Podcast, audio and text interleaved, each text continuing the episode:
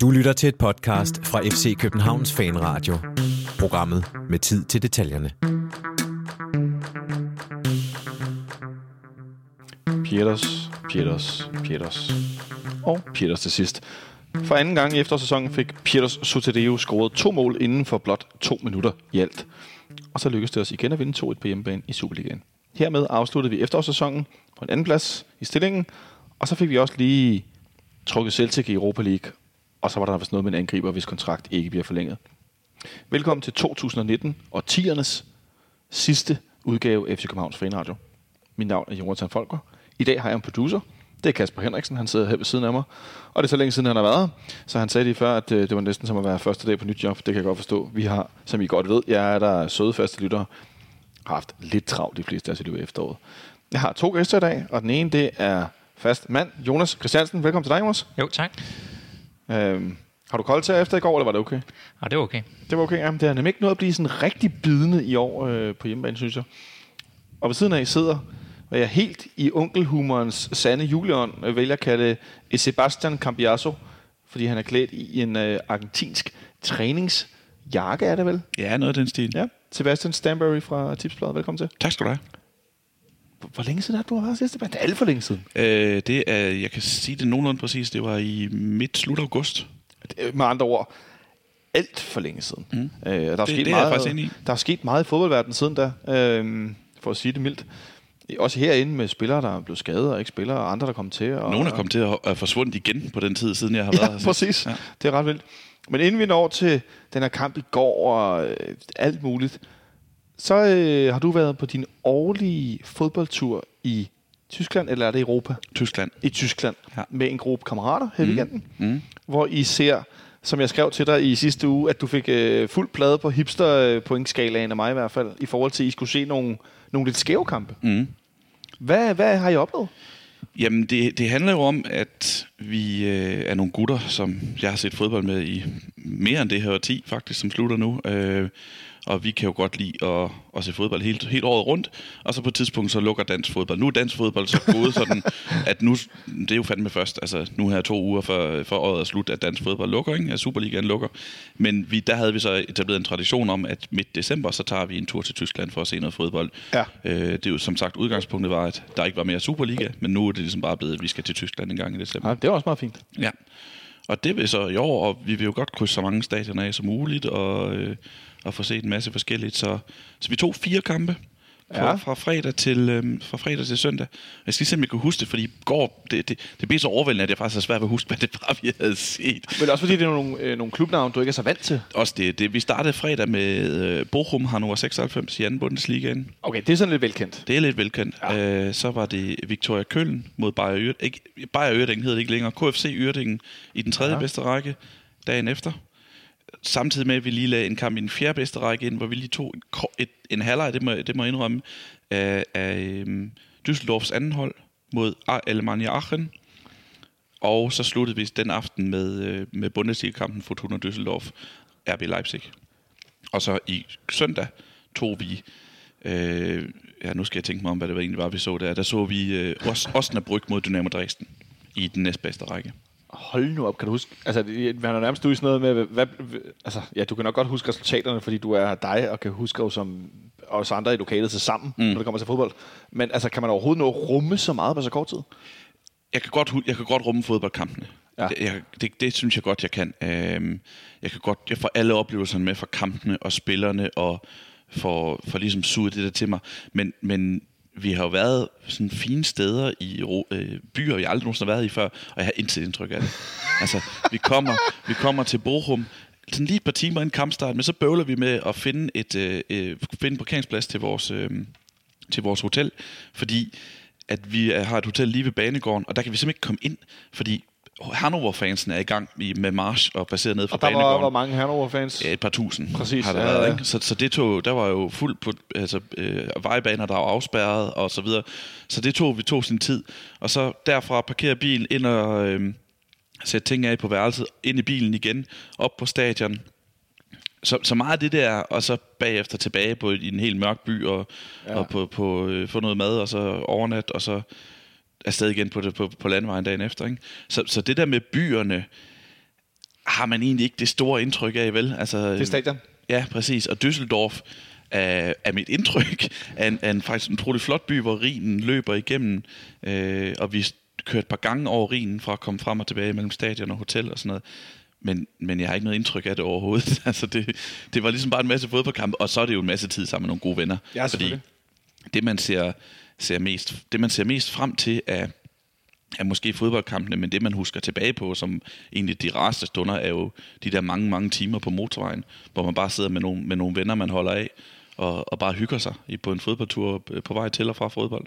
Det, øh, det er faktisk næsten højdepunktet, at være sammen med dem, man, man godt kan lide. Ja, det lyder også fedt. Har I så sådan nogle ting, I skal gøre på hver stadion? Øh, ligesom som du nok kender øh, en øh, gammel FCK-fan, øh, Stampe, som jo har øh, de her fo- fodboldstadionanmeldelser, ja. øh, hvor man, øh, som du for øvrigt også har været med på, jo, skal jeg jo Præcis, sige, ja. hvor man anmelder pølserne og toiletfaciliteterne osv. Har I sådan nogle ting, I skal gøre på de forskellige stadion, eller er det bare sådan random?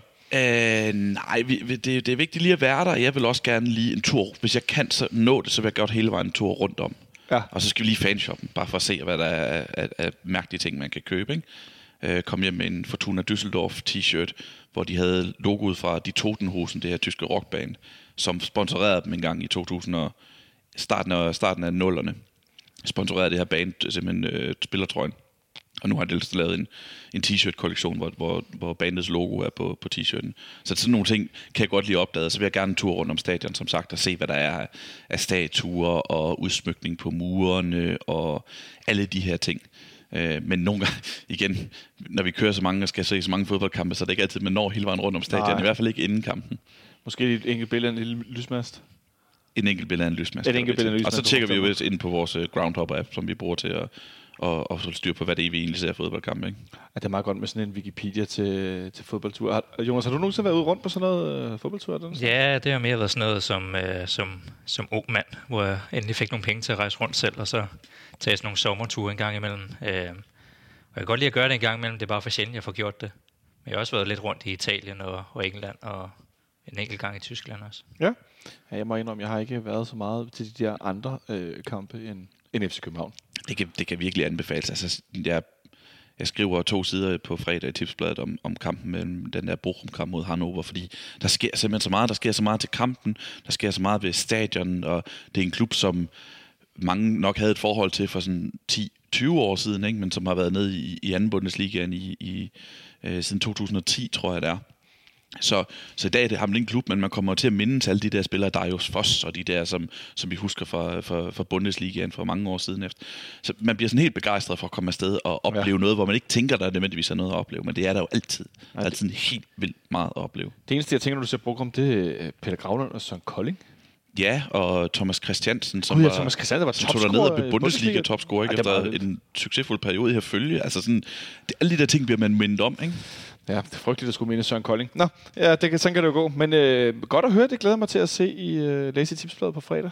Det er jo sådan en god lille gå på juleferie til dem os, der skal det på fredag, så købe Tipsbladet. Nu købte jeg også i fredags, fordi jeg havde jo efterårsprofil Mm. øh, afstemning. Det er nærmest, for sådan en, som mig i hvert fald, er det sådan en slags juleaften i, i, i øh, fodboldavis udgaven, det er, når man kan få lov at læse om efterårsprofil. Jeg synes, det er interessant, når det ikke er alle os andre, men rent faktisk er trænerne, der mener noget. Det er vi glade for, at du synes. Jamen, det, det, kan, det kan lige lidt ekstra. Som når spillerne også kort deres egen Mm. og så videre. Det synes jeg, det får lige den der ekstra tand. Nå, som sagt, øh, vi skal selvfølgelig tale om OB-kampen i går, øh, vores sidste Superliga-kamp i år. Vi skal, snakke lidt om, at vi har trukket Celtic i øh, 16-finalen i Europa League. Men jeg synes, vi skal starte ud med dagens nyhed, som er, at FC København har meldt ud, at man ikke vælger at forlænge aftalen med Niklas Bentner. Hvad var din umiddelbare reaktion, da du læste, Jonas? Jamen, jeg, jeg tænkte, det var, det var ret naturligt. Jeg har sådan gået og opvejet det lidt for mig selv, hvad var, det, hvad var for og imod. Øh, jeg synes, for var det her med, at man havde en, en, en stor angriber i truppen, som kunne, som kunne erstatte en døje, hvis han skulle blive skadet, øh, og måske ikke bruge transferpenge på nogle andre. Det var ligesom det, jeg sådan kunne finde frem. Ja. Øh, og man nu havde brugt fire måneder på at få ham ind i systemet og sådan nogle ting. Men der er bare for meget imod i forhold til, at Øh, og jeg tror, at den, den allerstørste var det her med, at Ståle i virkeligheden ikke rigtig måske stolede helt på ham i forhold til hans løbekapacitet og hans presspil og sådan nogle ting. Jeg tror, det er det, der i sidste ende har gjort, at jeg så hellere bruge øh, ressourcerne på, på nogle andre. Ja. Hvad med dig, Sebastian? Ja, den, den, første, den første reaktion var jo, at det var en bekræftelse af noget, som jeg havde tænkt, at det nok ville ske. og samtidig så synes jeg også, det lå i korten i går i mixzone, at da han sagde, det bliver, det bliver, jeg skal snakke med Niklas i morgen, og det bliver meldt ud i morgen. Så det med, at det, ligesom, det bliver meldt noget ud i morgen, og Ja, det lugtede ligesom af, at, ja. at han var færdig. Ikke? Øhm, det, jeg synes, det, det er naturligt. Det var, det var ikke meningen, han skulle, han skulle ind i første omgang. Det var, det var Ståle afvist det var mange gange i sommer, så det blev det sådan noget alligevel. Øh, og han har jo udfyldt en plads i truppen i, i det halve år, der er gået. Øh, men er jo, har jo ikke på noget tidspunkt overbevist om, at han, at han fortjente en længere aftale. Og som du siger, det her med, med løbekapaciteten. Jeg kan huske, øh, da, til kampen i, i Malmø, hvor, ja. Hvor Ståle blev spurgt. Det var en kamp, hvor FCK havde vandt med at, at sk- skabe chancer og score mål. Og så blev, så blev Ståle spurgt, hvorfor ikke, hvorfor ikke sætte Niklas Bentner ind? Det var lige sådan relativt lige efter, han var kommet ikke, ind i de første kampe. Og så sagde Ståle bare, det var en løbekamp. Det var nemlig en løbekamp, det kan jeg godt huske. Ja. Og så behøvede han ikke sige mere, synes han selv. Nej. Øh, så ja, logisk udvikling. Altså, jeg, jeg kan huske bare, at jeg blev mærke i nogle af de kampe, han spillede, øh, eller var på banen herinde i parken, hvor at, at når bolden kom op i det, jeg vil kalde øh, det høje luftrum, eller sådan, hvor man skulle hætte til den, altså hoppede han ikke efter den. Altså, han kunne simpelthen ikke, så hoppede han lidt. Sådan lidt som når alle andre synger den her lololololo sang, ligesom mange af de andre, men hold- holder hinanden om skulderen, og så hopper op og ned, så står jeg altid og vipper i knæene, fordi jeg gider hoppe. Og Niklas Bender, han vippede nærmest til knæene op efter bolden, og sagde, ej, nu må der simpelthen stoppe. Du må da kunne hoppe efter bolden, menneske. Der blev jeg sådan lidt helt bøvet, og ej, nu, nu går det ikke. Altså, du må gå hen til bolden, du er øh, kæmpe stor, ikke? Øh, men altså, omvendt øh, hørte jeg allerede for halvanden to måneder siden, at man, man ville forlænge med ham. Og så tænkte jeg, okay, det der er ret tidligt egentlig at, øh, at være sådan inde i processen omkring, vi vil gerne beholde ham, men det viser sig heller ikke at holde stik. Jeg ved ikke, om hans øh, skade her det sidste stykke tid måske har spillet ind på det. Det, det, han har i hvert fald ikke hjulpet, fordi han har ikke haft tid. Han, han, han, han var bagud på pointene, han kom. Altså forstået på den måde, at han ikke har spillet i lang tid. Han var ikke Ståles første valg. Han var jo ikke den type angriber, som Ståle gerne ville have ind, fordi. Nej. han gerne ville have en Jonas Vind afløser, der kunne ligge en lille smule længere tilbage i banen. Og så kommer han ind og får ikke rigtig scoret nogen mål, og så de sidste, den sidste måned har han jo ikke haft mulighed for at overbevise om, at han skulle have en længere aftale. Præcis. Øh, fordi han har været skadet. Så, så hvad er det lige, man skulle forlænge aftalen på? Det vil bare være et sats, en gambling på, at det kunne blive bedre, og nu har øh, Ståle en, en, øh, en, øh, en, en, en måned, hvor han kan finde en ny spiller, hvis det, det er det, der er ude efter. Det synes jeg jo ikke, det lyder som om. Øh, så, øh, så, så nej, det giver god mening. Jamen, jeg synes, det er... Jeg synes, det bliver et fint farvel, fordi vi sidder her og snakker om Bentner som fodboldspiller. Altså, han kom jo også med det her kæmpe ståhej om sin, sin person, og der har han jo øh, opført sig øh, eksemplarisk, og har, han har været god til træning, han har været øh, åbenbart god i, i omklædningsrummet, og god for de unge og alt det her. Og der må vi jo bare, øh, der må vi trods alt give ham et, hvad hedder det, et fint håndtryk og sige, det var, det var trods alt fire fine måneder, du var her, og du bidrog med noget. Øh, men det, vi giver, det giver bare ikke mening at fortsætte, men det er på grund af sådan, det fodboldmæssige øh, i det. Jeg, jeg tænker, øh, at den her øh, bog, han har skrevet, eller øh, med udgivet, at øh, det har ligesom været hans, hvad hedder sådan noget, skriftsbekendelse, som man går. Altså, at hans, han har ligesom alle sine sønner, her er de. Og det, som, det virker som om, at han, at han faktisk har ændret sig nu. Jeg tror, jeg tror ikke, vi kommer til at se ham lave store skandaler lige med det samme. Det er sjovt, fordi jeg læser bogen og, og læser en, en spiller eller en mand, som erkender alle de ting, han har lavet, og erkender, at der er en mulighed for, at det kan gå galt igen. Jeg siger ikke, det sker, men jeg synes, det ligger mellem linjerne. Han siger Ja. det også, at han kan ikke garantere, at det ikke sker igen. Og det er, fordi han er den person, han er, og det, det indrømmer han åbent.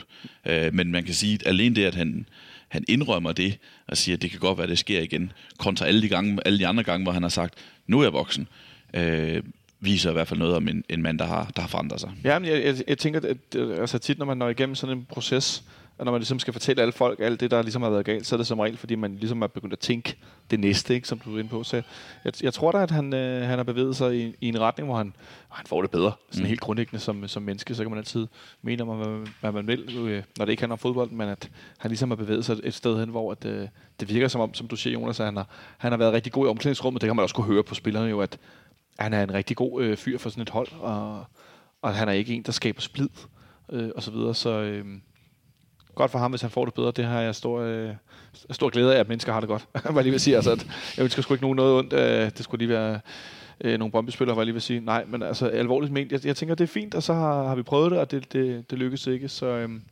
du siger det, altså Sebastian, at det ikke lyder så meget som om, at man måske vil hente nogen, eller sådan lidt... Det er ikke sådan en klar udmelding om, at nu skal vi ud og hente en angriber. Nej, nej, for jeg spurgte, jeg spurgte Ståle til det i går, hvad han havde planer på transfervinduet, og han sagde, at der var ikke de store. Øh, der har de brugt mange penge i budgettet i, i sommer. Santos har hentet ind for næste års budget. Præcis, ja. øh, og det er ligesom det, der er, er, er, til, er til rådighed, tror jeg. Det lød ikke til, at der skulle, der skulle ske det store. Øhm, og han ramte ligesom de spillere op, som, som var der. Nu handlede det om at få en døje i fin form, og Santos og, og, og så uh, Pietros er der, og samtidig så tror jeg også, at, at Darami kan udfylde den rollen som angriber.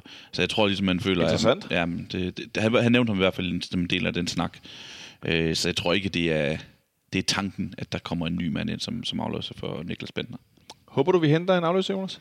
Nej, altså jeg er også enig, og vi plejer altid at slanke en lille smule hen mod øh, foråret, hvor der er, der er noget færre kampe, og ja. øh, må vi se, hvor langt vi når i Europa, men ellers så er det jo primært Superliga og pokal, det, det handler om i, i foråret.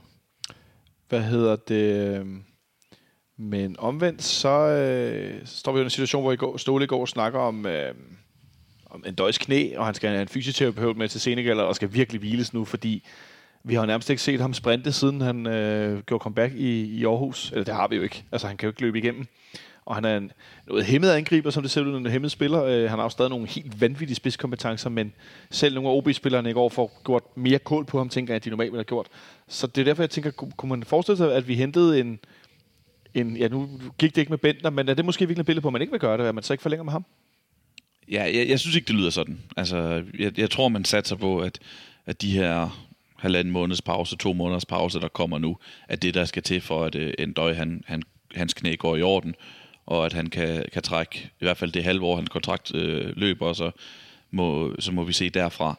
Øh, jeg, jeg tror ikke, der kommer... Jeg synes, det, han sagde i går, var, at han lagde ikke op til, at der kom nogen afløser. Nej. Hm. Nå. Ja, det er nok også det der med budgettet næste år, så det er måske også Men altså, meget... Øh, man kan jo ikke afvise det. Altså, Bentner var jo, var jo en billig løsning. Der kommer næppe nogen øh, 30 millioners angriber, men, men dukker der lige en eller anden mulighed op for en lejeaftale, så kan man jo ikke afvise det, men det, det var ligesom bare ikke det, der ligesom var planen, lød det til. Okay, okay, jeg lytter til det. Jeg er faktisk lidt overrasket, at du nåede her ind i går, Sebastian, med den her vilde weekend, du har været på rundt i Tyskland, øh, hvor du så også lige hjemme og vende på hotellet, øh, når vi har med kufferten, inden du kom herover. Nej, jeg, jeg, var, jeg var hjemme her i København lige efter midnat, natten til mandag. Vi, øh, oh, ja, det er fordi, ja, det er fordi, vi spiller mandag, ikke Vi søndag. spiller mandag. Og det er i dag tirsdag, ikke? Godt, tak. Øh, jeg har også hele dagen troet, det var onsdag. så jeg troede, jeg skulle have juleferie om to dage, men det er først om tre dage. Ja, det kan man bare se. Nå, men øh, i hvert fald, vi spiller herinde i går mod, øh, mod OB en kamp, hvor der kom flere tilskuere, end jeg havde frygtet. Efter at vi taber til Malmø i torsdags. Og det hele var lidt tungt, og det, det regnede hele dagen i går og så videre. Men alligevel kommer der øh, over 12.000 12 tilskuere. Det synes jeg faktisk var meget sejt. Øh, ikke at vi bare skal sidde og rose os selv, men, men ja, det var flere, end jeg havde forventet øh, på sådan en mandag kl. 19. Øh, et af trækpladserne var jo på familietribunen, hvor Niklas Bender skrev autografer, for det ikke skal være løgn. Det, øh, det synes jeg faktisk, når man nu ved, han har nok godt vidst allerede der, at han ikke blev forlænget, og alligevel så dukker han op på familietribunen og skriver troligt autografer. Det synes jeg faktisk er meget god stil. Enig. Det synes jeg faktisk er mega god men stil. Han får også løn for den her måde. Det gør han selvfølgelig, så. men, men stadigvæk, jeg, derfor kunne han jo godt have, det gider jeg ikke lige eller et eller andet, men det, der var ikke noget der, der var ikke nogen øh, nykker overhovedet. Øhm, vi stiller Jonas i det, jeg tænker er stærkeste startopstilling lige nu. Øhm, det eneste sted, hvor vi har virkelig cyklet rundt, kan man sige, det har været den her højre midt, hvor Darami jo har været helt ude efter Derby og ikke været i truppen. Pep Biel har spillet den, Modras har spillet den pludselig mod Malmø. Øh, nu spiller Pep Biel den så i går. Og altså, det er jo en, en mærkelig kamp, synes jeg, på mange måder. Fordi vi har ikke tabt til OB i parken i, hvad var det, 10 år, jeg troede, vi nåede frem til eller noget af den stil, og den også var det endnu mere. Det, var, det, det, er i hvert fald utrolig længe siden. Jeg, nu slår jeg lige op, mens jeg sidder her og blabber løs, så kan I få lov at sige noget om et øjeblik. 2008, tror jeg. Er det 2008? Ja. Så det er faktisk over 10 år siden, at vi taber til dem i, i Superligaen i Parken. Vi har jo tabt en pokalfinal, skal vi egentlig ikke... Øh, eller er det før det? Det er før det. Altså, jeg skal også blive juleferie, som jeg nok det er, to, Der er en pokalfinal i 2002, ikke? og så er en pokalfinal i 2007. I det er syv, ja, hvor det regner af helvede til. Jesper Christiansen dropper et langskud, mm. og øh, nej, det gider vi ikke snakke om.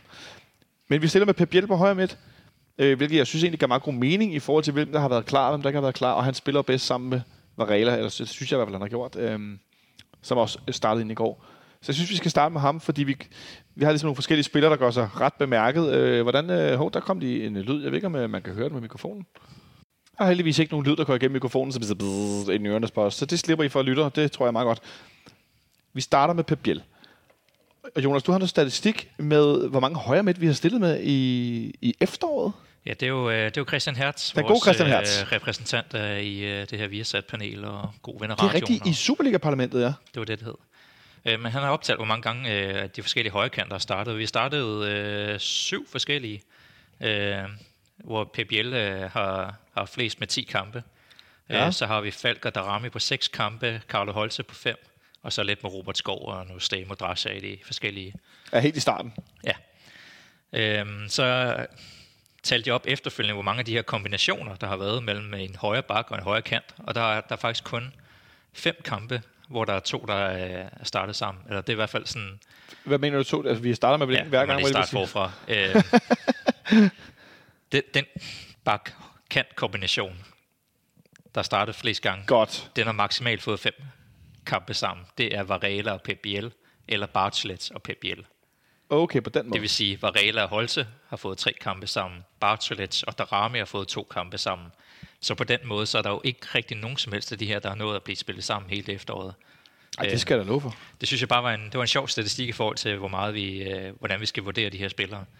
Øh, men tilbage til Biel, så kommer han jo som vores øh, Superligans dyreste spiller nogensinde. Øh, og vi har snakket meget om, om ham det her, øh, det her efterår, hvor han jo øh, ikke rigtig har kunnet øh, komme, øh, komme ordentligt i gang med, øh,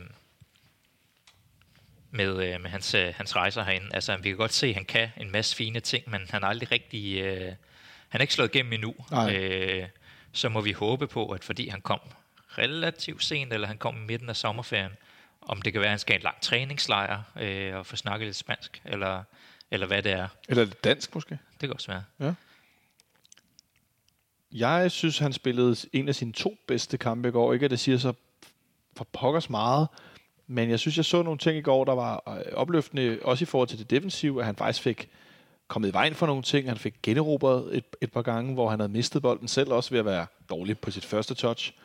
Øh, og han gik med kombinationer og så sådan, han så sådan klar ud på en eller anden måde. Er det mig, der har for stor ja på i forhold til nogle af de der spillere, Sebastian? Øh, jeg synes, han var middelmåde. Hverken, hverken godt eller hverken god eller skidt. Øh, jeg synes jo, det var, det var sigende for hans efterår, at da første udskiftning kom, så vidste man godt, det ville være ham. Ja. At, at han ville ryge ud som den første. Det, det var jeg sådan set ikke i tvivl om, og det var det også. Altså, det, det er jo bemærkelsesværdigt af, af en... Øh, af den dyreste spiller nogensinde i Superligaen. Jeg synes, jeg synes ikke, man kan, vi, vi kan ikke konkludere endnu, at han, er, at han bliver en fiasko på ingen måde. Vi kan bare konstatere, at hans efterår har været, har været dårligt. Det har det. Og, og det er der en masse forklaringer på. Han kommer som afløser for Robert Skov lige pludselig lidt ud af ingenting. øh, der har været rigtig, rigtig mange kampe og færre træninger. Øh, han er nok rigtig meget, han er nok rigtig godt af en, øh, af en, af en opstart nu her, hvor, hvor der kun skal træne, så ikke spille kampe.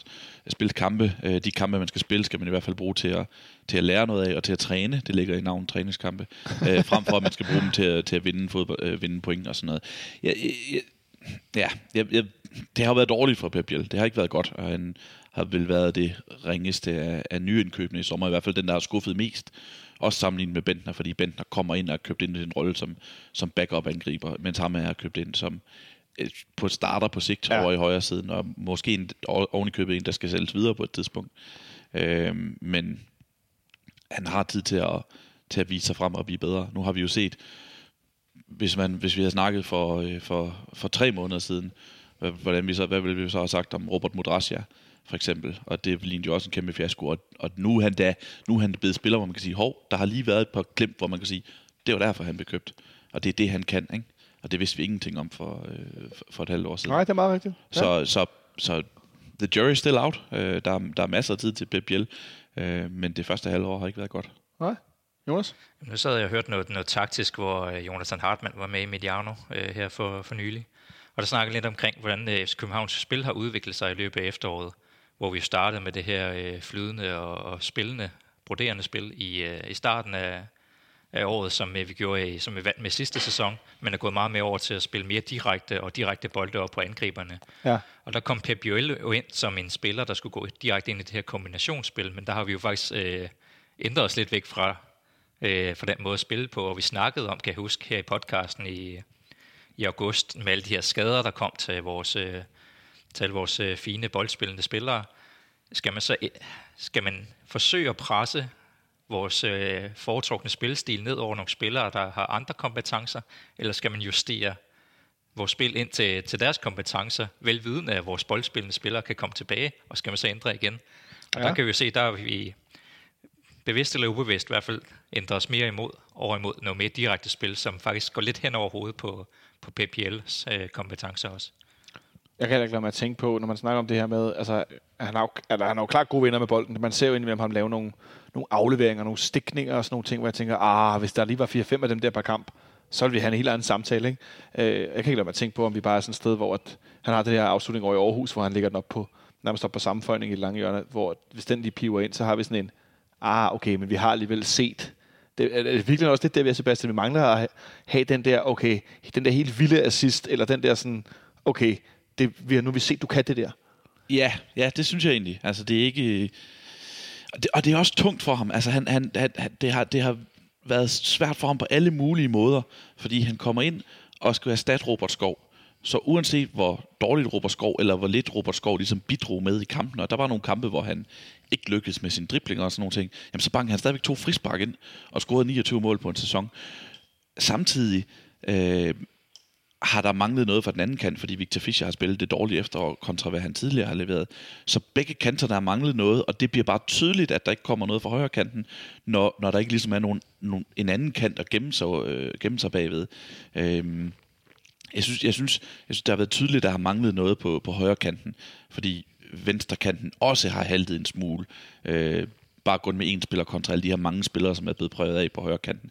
Men, men i, i, i foråret og i hele sidste sæson var højre kanten jo et, et utroligt våben for FC København.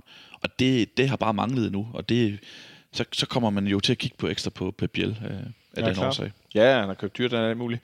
Nu spiller han sammen med Varela i går, øh, som Sebastian er inde på, det der med højre kanten, for jeg har jo også, altså, så når Varela har spillet godt, som han for eksempel synes jeg, han gør i stort del af kampen i går, så begynder det at ligne lidt, men så indimellem så spiller Bartolet, som jeg så gerne vil holde af, øh, men som jeg synes øh, spiller øh, vagt i mange kampe, sådan lidt, lidt søgende. Så det er også, øh, når du nu fortæller, Jonas, at de har spillet fem kampe med den ene højre bakke, og Pep Biel, og fem kampe med den anden, så er det også... Øh, det er også op ad bakke. Hvor mange, hvor mange spillere, øh, hvad det vil sige, hvor mange spillere fra sidste sæson starter vi ind med i går? Ikke? Det, det er godt nok også minimalt, hvad der er på banen af spillere, som, som var i, altså startede man sidste år, så der er mange ting at pege på. Nå, det var bare, jeg synes, det var vigtigt lige at få snakket om den der højre side, som godt nok har været en, vil ikke kalde det en akillesæl, men det har godt nok været det der problem i løbet af, af efteråret. Jamen, det har det jo. Det har jo været en akillesæl. Det viser Jonas' tal også. Ikke? Altså, det, det er bemærkelsesværdigt, hvor mange der er. Øh, det er sådan, der er næsten ikke nogen, der ikke har spillet højre bak. Altså, det er stålet ringet til mig på et tidspunkt og sagde, kan du ikke lige, kan du måske stå en halvleg? Kan du stå en højre dør? Ja. ja, det har vi andre også gjort i gamle dage. Men han starter ind på højre midt sammen med Varela. Men inden vi når at se os om, så tror vi, at Fischer han skal lave en tofodsdribling i hjørnet af vores eget straffesparksfelt. Hvor meget har det givet bøde på et syvmandshold, Sebastian? Vi giver opererer ikke med bøder for, øh, for på mit syvmandshold opererer vi ikke med bøder for, for folk, der dummer sig under kampene på den måde. Kun for gule kort og røde kort. Men altså, et, øh, en opsang havde han da nok fået. Altså Jonas, det, det, jeg ved næsten ikke, hvad jeg skal sige efterhånden. Det der med, at vi skal komme bagud så tidligt i kampe igen og igen og igen. Og jeg, jeg havde en, jeg spurgte ud i går, hvor mange gange har vi kommet bagud så tidligt. Og det, det har vi jo nærmest gjort flere gange, end, end, vi, har, øh, end vi har lavet comebacks i kampene og har vundet til sidst. Det er, jo, det er jo helt sindssygt, at vi gang på gang skal stå efter kampen og tale om, at vi lukker et mål ind de første 10 minutter. Hvad er det, der foregår? Ja, det, det er tredje comeback bare den her landsholdsblok, øh, vi skal ud i. Ikke? Så Jamen, det er helt jo, sindssygt jo. Ja, ja, ja. Jeg, så, jeg så, han sagde, at, det er, at han blev overrasket over, at han fik bolden, og så, øh, så forsøgte han at, at drive den udenom. Men vi kan, vi kan også se, at han har ikke haft så mange held med sine driblinger øh, det her efterår, så det er måske lidt, øh, lidt overmodet af ham. Men det er jo, det er jo bare en... Øh, jeg tror, han handler på sit instinkt, men det skal han måske ikke gøre nede i, i feltet. Så det er jo, det er jo sådan en... Øh, det er ikke særlig professionelt, har jeg lyst til at sige. Det, det er jo altid i de der situationer. Hvis det lykkes, så er det super fedt. Og så havde, hvis, hvis øh, Victor, Victor Fischer var lykkes med at afdrive, afdrible en, en spiller, en OB'er, i eget felt, så havde alle jo, øh, så var der alle havde klappet jo. Altså, så havde det været fedt. Øh, men det gjorde, lykkedes ikke, og så er det en kæmpe fejl. Så de der ting er det rigtige løsning, når de lykkes, og den forkerte, når det fejler. Det må man sige. Men, altså sådan helt, helt groft sat op, ikke? Så er det også godt lagt ind af Anders K. Jacobsen. Den der afslutning. afslutning. Det er helt vildt afslutning. Jeg tænkte, åh, oh, nu kommer Kalle ud. Bum, og spreder armene ud, så chipper han bare hen over ham. Og så stod vi der med plætningerne i postkassen. En meget sød øh, Twitter-bruger, Mikkel Wilhelm, Wilhelm, må jeg hellere sige, han har skrevet i går, jeg spurgte ud. Seks kampe, hvis man tæller pokalen mod Nordsjælland med, er vi kommet bagud inden for de første 10 minutter. Det er godt nok voldsomt, synes jeg, på en halv sæson. Det, vi gør det jo også i Odense i den første kamp i sæsonen, hvor vi ender med at vinde 3-2, hvor de scorer efter 45 sekunder, for det skal være løgn. Altså sådan helt, hvor jeg, jeg sad i jeg sad på havnen på Anhold, for det skal være løgn, med min telefon, og kiggede på, og tænkte, nå, jeg går lige barn, ikke? Øh, så kommer vi tidligt bagud. Hvad, Jonas, når man så står der endnu en gang, som FC København-fan, eller sidder, som du gør på øverse, gætter på, øh, eller hvor du nu øh, så kampen henne. Altså, når du tænker, okay, kan vi gøre det igen? Kan vi lave comebacket? Hvad, hvad sker der nu? Ej, jeg, jeg bliver frustreret, fordi vi har også tabt rigtig mange point det her øh, efterår på nogle forskellige, og vi har haft nogle sjove kampe, og jeg havde også især Malmø-kampen lidt i, i baghovedet. Ja. Og jeg tror også, det, det kunne have været fjerde gang, øh, vi har gået på en eller anden pause øh, med, med et nederlag, som vi har gjort til alle de her, jeg tror alle tre landskampspauser har vi gået til pause på et nederlag. Så jeg, jeg sad og frygtede det lidt, øh, men øh, heldigvis får vi, jo, får vi jo rykket godt rundt i det.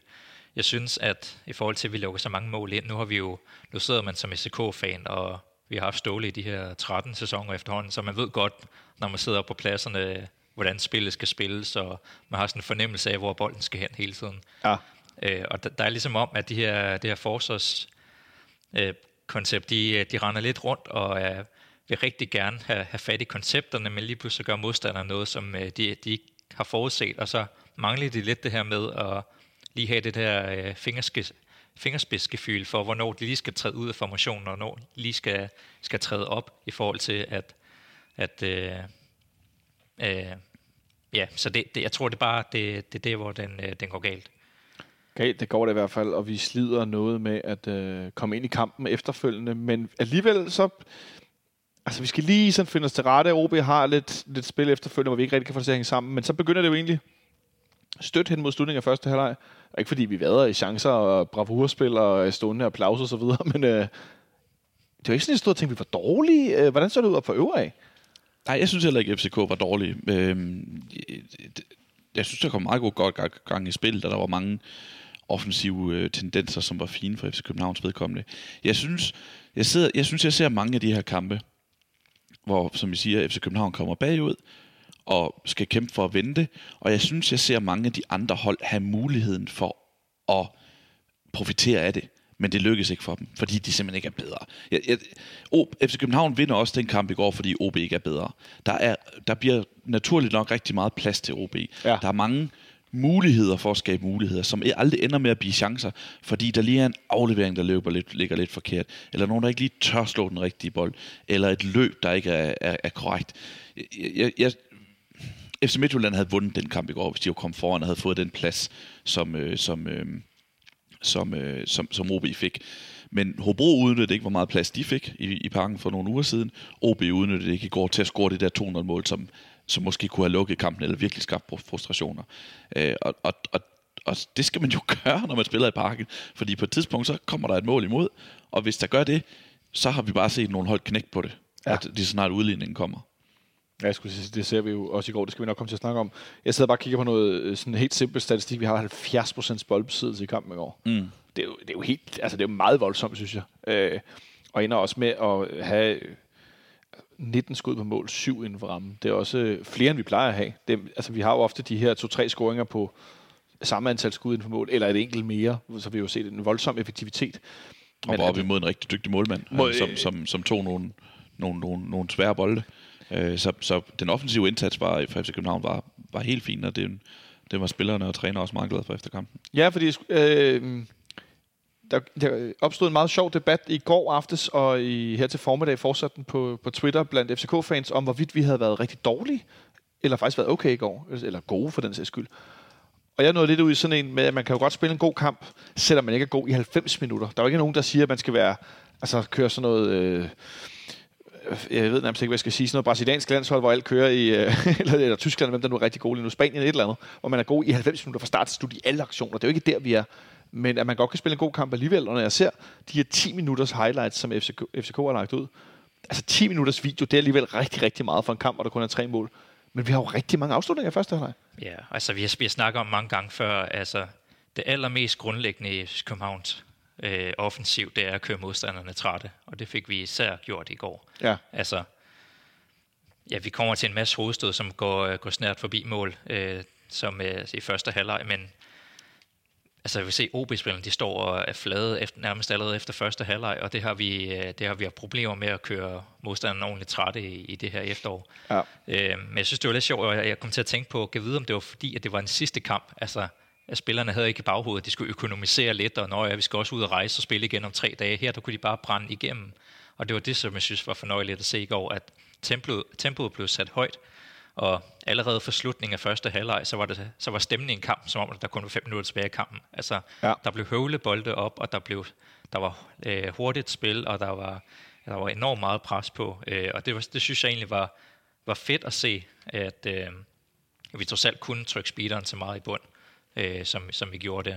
Jeg har fundet øh, på Superliga.dk altid meget fin øh, sådan graf over spilovertag i løbet af kampen, og man må sige, at øh, de her 70% boldbesiddelse kommer kraftigt til udtryk også her, for man kan jo sagtens have bolden, men spille den rundt ned foran eget felt, så vi også gør i stor del af første halvleg, hvor vi ikke rigtig kan finde ud af at, at bryde igennem OB's øh, rigtig to stærke, eller nej, det er jo ikke to firekæder, det er jo en, en, når de forsvarer en fembakkæde og så en tremands midtbane, eller måske endda firemands midtbane, jeg er lidt i tvivl om, Baskim ligger alene på toppen. Ja, de skiftede lidt rundt mellem øh, 3 og 4 og 5-4-1 var de også i, øh, Ja. da de forsvarede på et tidspunkt. Men det gør jo også, at du som, øh, som OB-angriber øh, har svært ved at slå den rigtige aflevering til sidst, eller øh, score på den her chance, hvis du i forvejen har løbet rundt i pres i, i en halv time. at det i hvert fald øh, presset godt ned. I slutningen af første halvleg, vi har øh, af, flere hovedstødsafslutninger. Victor Nielsen, der er lige ved at hætte den i det lange hjørne. Pa- Papagenopoulos, der så et godt hovedstød, går forbi i sammenføjning. Og så Rasmus Falk til sidst, som, som har det svært med at score på hovedet. Det er bedre med fødderne for den kære Rasmus. Øh, Ofte mod OB, ikke? ofte mod OB. Der også var en OB. fremragende redning af, af Grydebust Ja, på, han, i sidste sæson, ikke? ja, han havde også mod Brøndby her forleden, hvor Svebe lavede en kæmpe redning nede. Også flat, der lignede den der Grydebust-redning lidt. Mm. for det ikke skal være løgn. Og så i stolp, på indersiden af stolpen i går, hvor at den ellers gode, hvad hedder han, øh, Oliver Christensen var fuldstændig øh, solgt og bare kiggede ud på bolden, der ramte indersiden af stolpen og hoppede i spil igen. Øhm, så altså, det var ikke fordi, jeg stod med sådan en fornemmelse i pausen af, åh, det hele er skidt og møg, og vi kommer aldrig til at vinde den her kamp. Jeg var faktisk, som Mohobro for ikke så lang tid siden, ret overbevist om, at vi ville vinde kampen, og det fik jeg også sagt til nogen i pausen, og jeg gætter også på 2-1 inden kampen. Men at vi så går ud og starter også igen rigtig godt, og vi har nogle chancer, men det vil ikke rigtig lykkes. Michael Santos, han slider noget for, at der har gjort det her de sidste par kampe. Øh, lagde for mærke til situationen, hvor han får blokeret en afslutning tæt på mål, og så sparker han til stolpen, og så nikker han stolpen med en skalle efterfølgende i vrede over, at han ikke får hættet bolden ind. Altså, det så ikke. Han, nu sidder du her med en argentinsk øh, landsholdstrøje. Der er Uruguay og Argentina. Der er noget temperamentslighed mellem de to, øh, de to lande. Altså, hvad, hvad siger du til det, den der karakter, han i virkeligheden er? Jamen, det er jo herligt. Det er jo herligt. Altså, spillere fra Uruguay kan man simpelthen ikke få for meget af. Det, det, det synes jeg. Alle, alle fodboldhold burde have en spiller fra Uruguay. Nå, nu er vi endda dobbelt op. Uh, han, Ja, han er det- lidt mere ilter end øh, vores, vores højre bak, øh, Guillermo, men, øh, Ja, det er han. Det er han. men han, han er vildt Santos. Jeg kan virkelig godt, holde, øh, godt lide ham. Men vi får presset meget på. OB får lidt overtag omkring øh, teamens spil. Og så er det som om, så buller vi bare videre.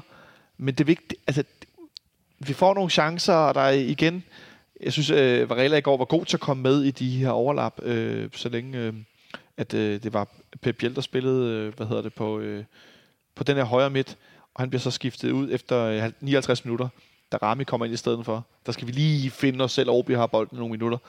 Men så kommer Darami ind, og har ikke været inde siden, at han spillede en rigtig dårlig første halvleg mod Brøndby herinde i parken. Var du for øvrigt inde til den kamp? Ja. Det var en øh, meget vild øh, søndag formiddag, var det vil sige. Ja. Jeg synes i hvert fald, der var, det var rimelig... øh, Jeg var sådan helt... Uh.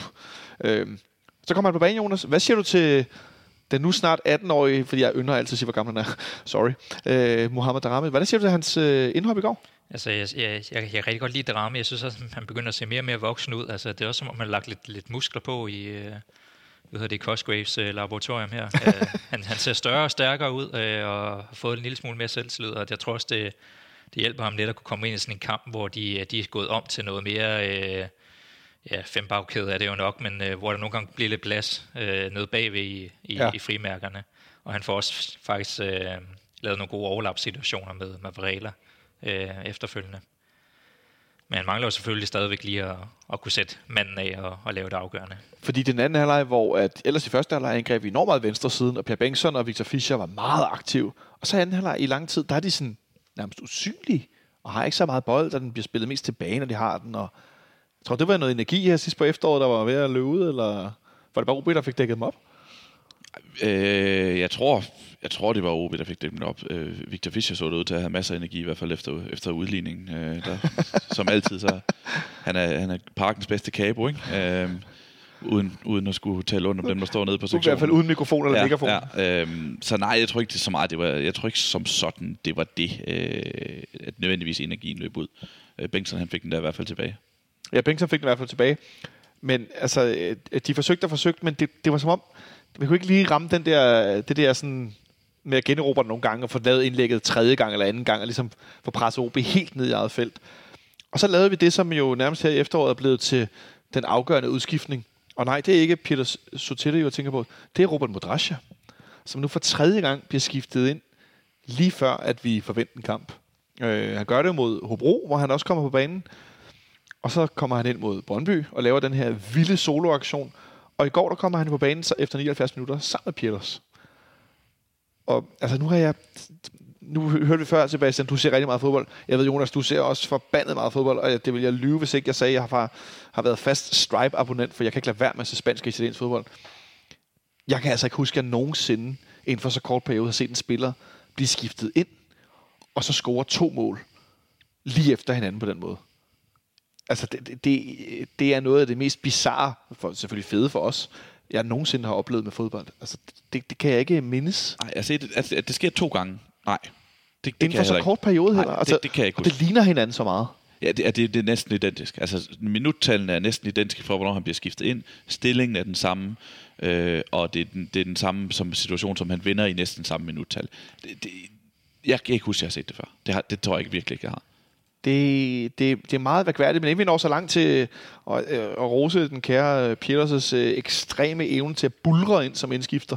Øh, var der straffespark, Jonas? Oh. Nej, det var også strengt.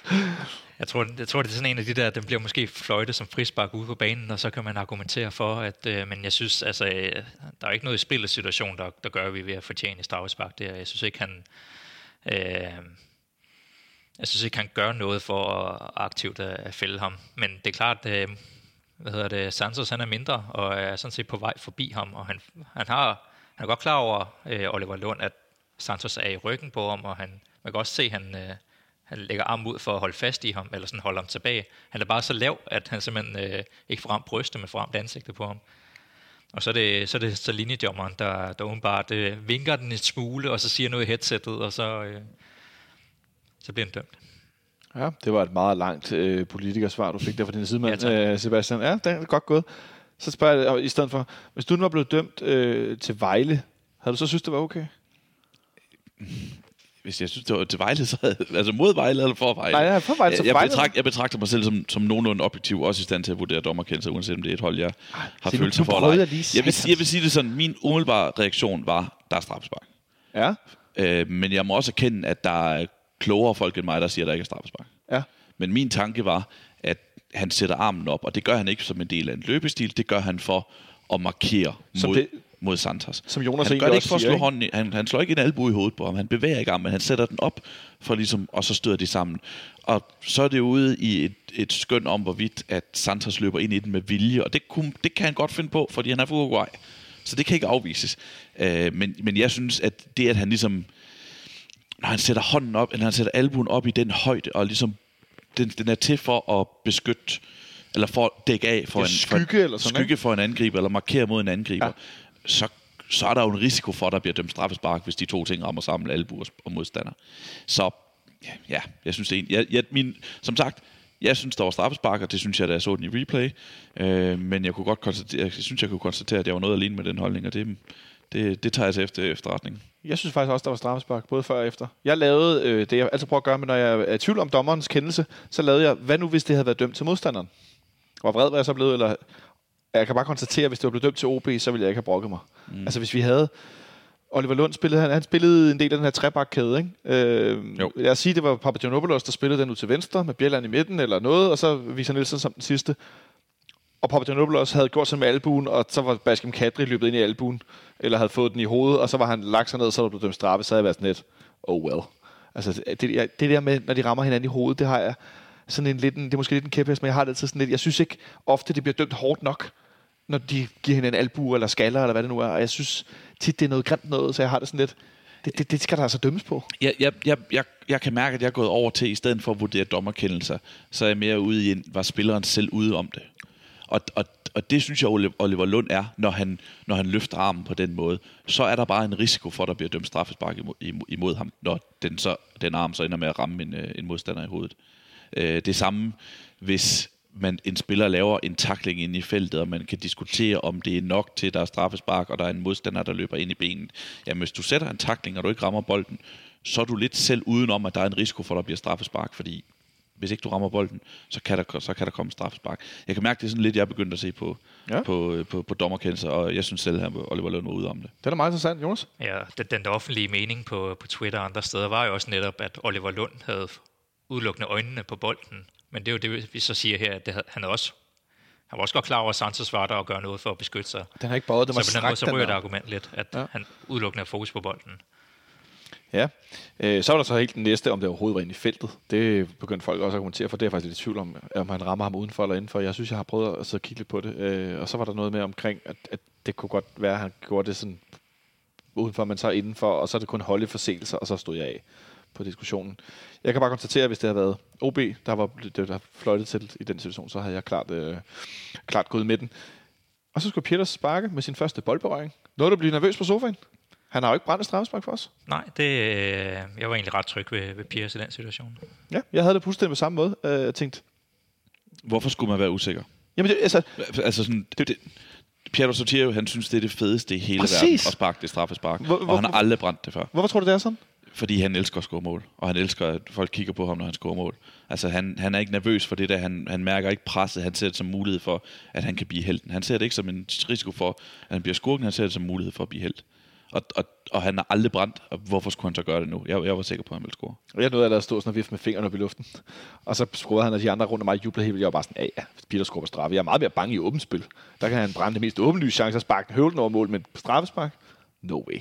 Det, han laver lige det der han knækker sådan lidt i overkroppen, og så strider han lidt med bagdelen, når han sparker med indersiden, og så ligger han vej. Ja, og det er, jo, det er jo faktisk ret vigtigt at have sådan en i truppen. Der har vi jo haft nogle, øh, nogle stykker i. Vi havde Skov, og så havde vi, øh, vi har haft Santin, og vi har haft Nikolaj Jørgensen. Sådan en enkelt en, der bare kan det der. Ja.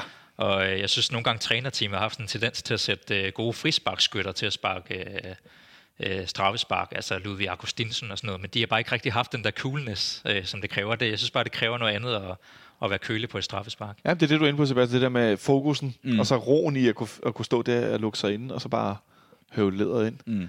Nå, så var han scoret, og som du siger, Victor Fischer, han får øh, nærmest lejet kabo rundt i halvdelen af parken efterfølgende. Og så sker det bizarre jo for fanden, at der, er det ikke det næste angreb, som det var mod Hobro, men at bolden bliver lige spillet lidt rundt. Den er lige en enkelt gang op ved deres felt, ryger den tilbage ud på venstre kanten. Og så øh, er Robert Modrasja jo kommet ind og er igen involveret i det, de her mål, og får lagt den af til Pierre Bengtsson. Og så scorer Peters på hovedet. Two minutes, two touches, two goals, som han selv opsummerede det nede i mixzone. Det er jo og så var der ikke så meget mere at sige. Altså, øh, den gode øh, Jan Eliassen, som jo øh, blandt andet er, gemmer sig inde i FCK Live på Twitter, han skriver jo 205 gode sekunder. Han bliver indskiftet i 77-56, i 79-59 scorer han til 1-1, og i 81-21 scorer han til 2-1. Og, og Christian Bøjer havde fra FCK TV havde jo tjekket, og der var ikke der var ikke andre berøringer, Nej, ud over straffesparket. Han, løb, han løb med bolden tilbage, men det, det tæller jo ikke, det tæller ikke, det er, uden for, det er uden for spil. Så det er simpelthen to berøringer, to mål. Det er en angriber, ikke? Oh, det skulle jeg helt sige. Det er en angriber er det lige før, at vi skal holde ham på bænken, fordi han har så meget energi, når han kommer ind, at det er der, han er bedre? Men det kan være, at han bliver den nye uh, supersub, uh, fordi vi, han har jo vist at være utrolig uh, stærk i feltet, uh, når han kommer ind og ikke skulle bruge de første time på at løbe i presspil. Uh, og han presser og, som ingen andre. Og, og løbe efter målmanden, så det kan være, at han er, han er væsentligt bedre til det. Uh, jeg synes også, det, det var en lidt anden fornemmelse end mod uh, Hobro, selvom det er fuldstændig identiske situationer, fordi Hobro, det var sådan en... Uh, sådan en regnværskamp, hvor man bare sad med krøllede arme, og der, der var sket en skid, og så lige pludselig så havde han scoret to mål. Her der havde vi trods alt presset dem så meget i bunden, ja. at uh, man tænkte på et eller andet tidspunkt, så må den der komme, og vi havde haft masser af chancer, der var sådan lidt snært forbi og sådan noget. Så fører vi pludselig 2-1 endnu en gang, og folk vågner lidt af den her Åh, nederlag til Malmø, syv point op til Midtjylland. Så Midtjylland jo, øh, det skal vi ikke øh, glemme at nævne jo, for tabte, tabte 3-1 på hjemmebane til, til AGF ud af det blå i, i, øh, her i weekenden i søndags. Så pludselig så står vi der foran 2-1 og øh, fire point efter. Jeg- ved godt, der er noget tid tilbage i slutningen. Der er 10 minutter tilbage i kampen. Men jeg nåede der ikke at tænke, åh oh, nej, nu går OB frem og scorer. Altså jeg var sådan lidt, nu vinder vi jo kampen. Altså fordi, Jamen, det tænker jeg også, og, og det synes jeg også, kampbilledet bare præg af. Det var jo nærmere, altså der var lige lidt i tillægstiden det klassiske døde bolde og bolde, der blev hældt ind i feltet. Men, men det var ikke sådan, at jeg sad og tænkte, at OB ville score. Øh, overhovedet ikke. Øh, Lige i minutterne efter 2-1-scoring var der endda nogle tilløb til, til nogle FCK-muligheder igen. Så, så kampen blev afgjort af to i mål. Især også fordi, at vi slutter kampen med en, øh, en firebakkæde, som, som, hvad hedder det, som øh, Rasmus Larsen skrev på Twitter, bestående af Darami, Varela, Endøj og Victor Nielsen. Og Pierre. Fembakkæden der. Mm. Det er altså en ret speciel øh, forsvarskæde, fordi vi jo har skiftet så offensivt ind. Vi skulle vinde den her kamp. Vi skulle gå på Den mest juleferie. offensive opstilling i FCK's historie, kaldte øh, Ståle det efter kampen. Er det rigtigt? Ja. ja. det er ikke meget forkert. Øh, der var ikke mange, der kunne takle tilbage på banen. Øh, så vi ender med den her fempakkæde, hvor at jeg også tænkte, ej, hvis OB de virkelig giver den gas nu, så ser vi jo helt forfærdelige ud. Øh, der er med Døj, der spiller midterforsvar endnu en gang, det har han jo godt før. Og stod bare og høvlede bolden væk, og både med foden og med, med hovedet. Han spillede, han spillede punter, altså det var amerikansk fodbold. Altså en mand, der bare får 10 millioner om året for kun at sparke den højt og langt væk. Altså det var den rolle, han havde. Altså en døj kunne blive en fremragende midterforsvar. Altså det var mod Malmø, så klirrede han det ene, de der, de havde det der run af Jørgens Spark i første halvleg. Ja. Og han klirrede den ene bold efter den anden. Uh, han, han, han har en evne til at... Jeg synes, han er FCK's bedste forsvarsspiller, når han er nede i feltet. Det, det, det er ikke meget galt. Og den, den der frie hætterrolle, han Ja. har på vores defensive dødbold, hvor han bare skal søge rundt og ramme den. Ja. Det missede han så nogle gange i Herning sidst, det skal vi ikke tale for meget om. Men, men netop det der med at bare søge ind i den, uden at tænke, om der er nogen eller ej, det, det er ret vildt. Præcis, fordi vi har det her, når vi spiller hjørne, når vi forsvarer hjørnespark, så har vi fem øh, mandmarkeringer, og så har vi så tre frie hætter, som er vores tre bedste hætter, og der er en døje øh, første hætter på det. Og man kan bare sige, når han, når han ikke er med, altså, så er vi så sårbare på de der øh, dødboldsituationer, fordi vi ikke har ham. Så uden at vores gamle ven Baskim Kadri, jeg havde ellers frygtet, at han ville øh, score. Det, han har jo, han har sat med spillet godt i efteråret, Baskim, og øh, det er fedt, for jeg kan, jeg kan godt lide ham. Jeg havde lidt frygtet, at han ville score til 2000 sidst. Jeg nåede lige at tænke, ah, det kunne være sådan helt sådan en, ej, det skal bare ikke lykkes. Men det gjorde han ikke. OB blev ikke rigtig farligt. De havde på dødbold, men det var aldrig rigtig... Ej, de, de knækker jo ved 1 Ja, de, de, de knækker ved straffesparket. De prøver faktisk at få noget tid på at snakke med Oliver Lund bagefter. Han sagde, at han var, det han var mest skuffet over, det var ikke kendelsen, som gik ham imod. Det var, hvordan de reagerede på den kendelse. At det virkede som om, at de brugte for lang tid på at, at fokusere på, at de følte sig uretfærdigt behandlet. ja. Øh, De var ikke klar bagefter, eller sådan. nej. Og jeg tror, det var, jeg tror, det var en blanding af at det der med, at, at de var utilfredse med straffesparket, og så en, åh oh, nej. Fordi de har nok også set fodbold. De har nok også set FC København udligne til det i parken og vide, at det, det, så følger der ofte en 2-1-scoring bagefter.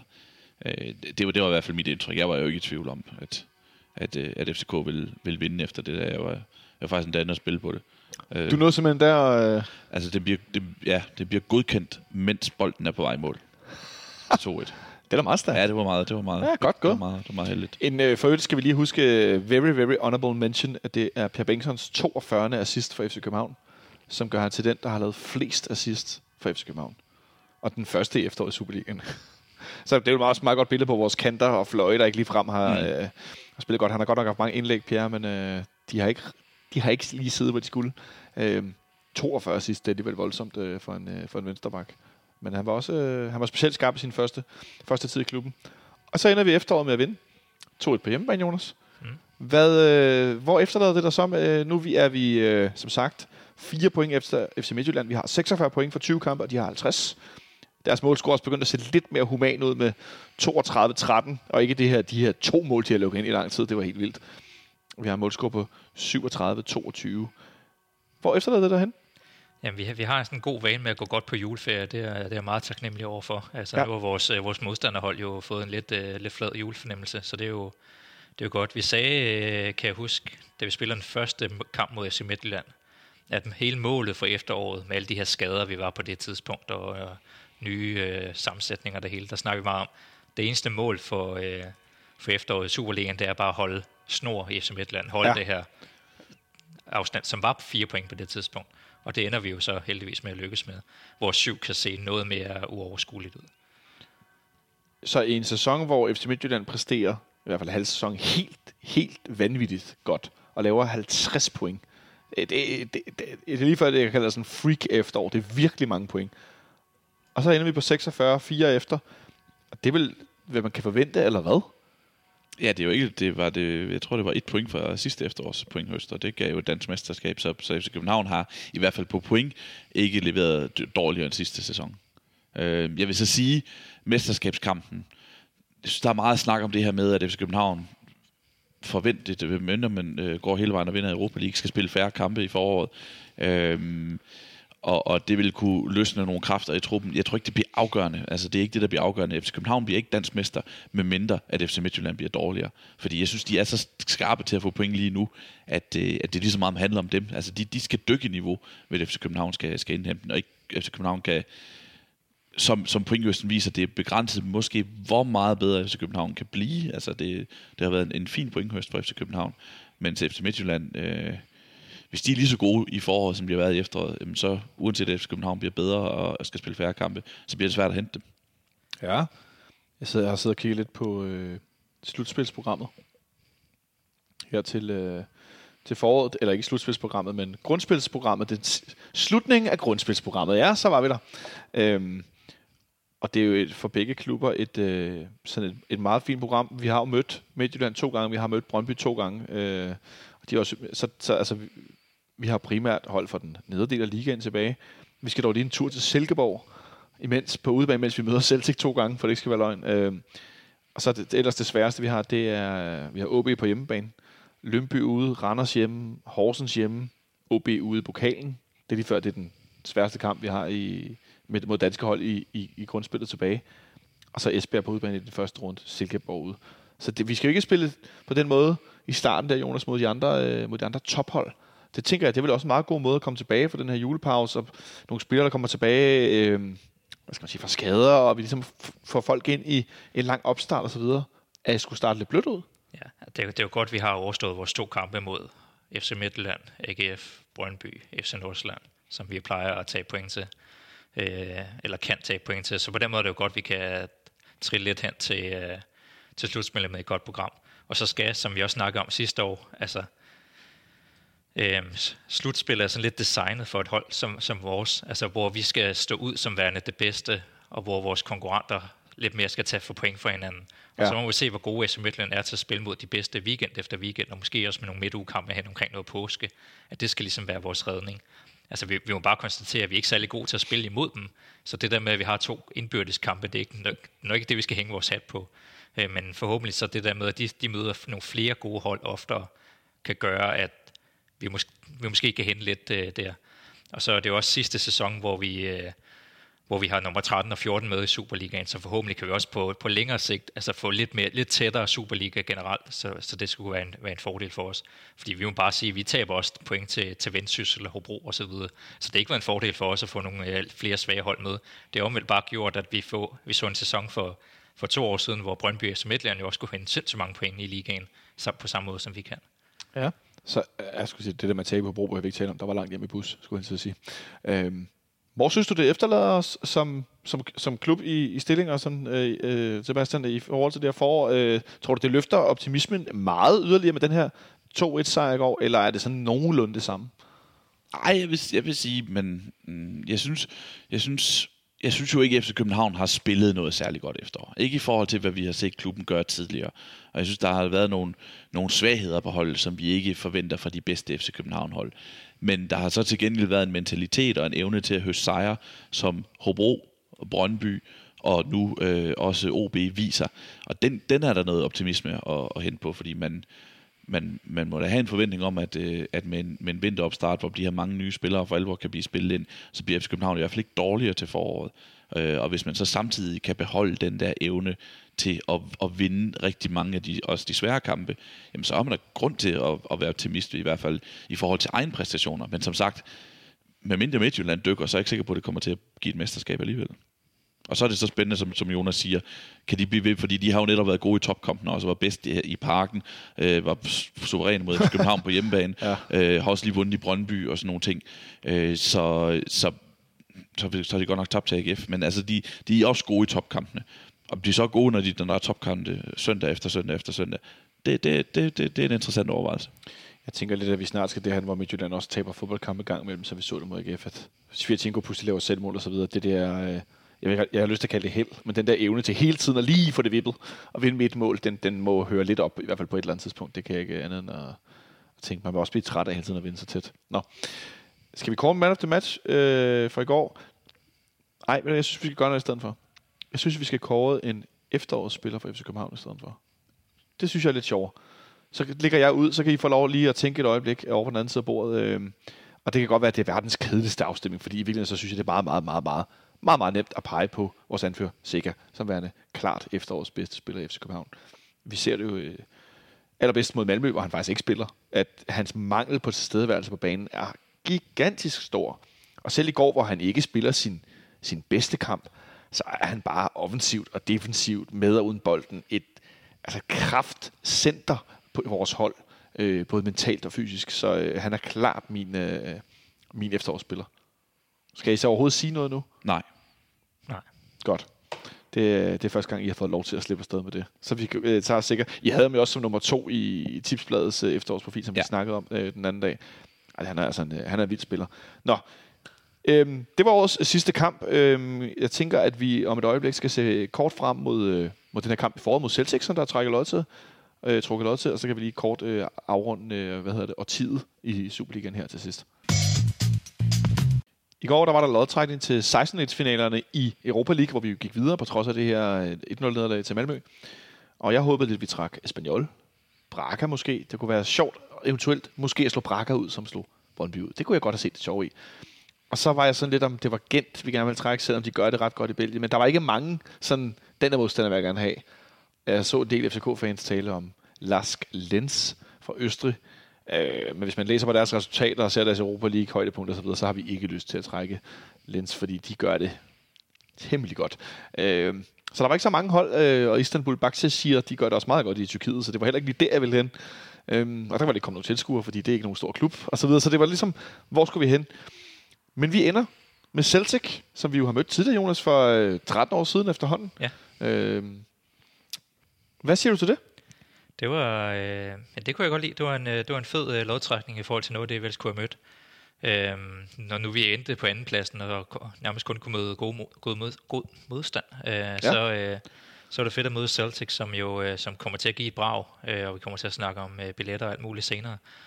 Øhm, og jeg husker også straks tilbage til, øh, til vores allerførste Champions League-eventyr, som jo er noget, som vi nok alle sammen har i minderne herinde. Øh, ja, og, og de her øh, fantastiske højdepunkter. Øh, 0-0 derovre, hvor vi jo egentlig har en, en del chancer, som vi kunne huske. Det var lidt irriterende, vi gav mere los mod det hold dengang. Og så, øh, så gav vi så sandelig los i parken, da, da vi endelig skulle spille den afgørende herinde. Hvad siger du til det i forhold til det her lidt svingende efterår og så videre, så kommer der sådan nogle øh, skotske bullerbasser øh, med en masse fysik øh, og skal møde vores lidt shaky hold. Ja, midtbaneduel Scott Brown, øh, Seca, den bliver, den bliver interessant allerede nu.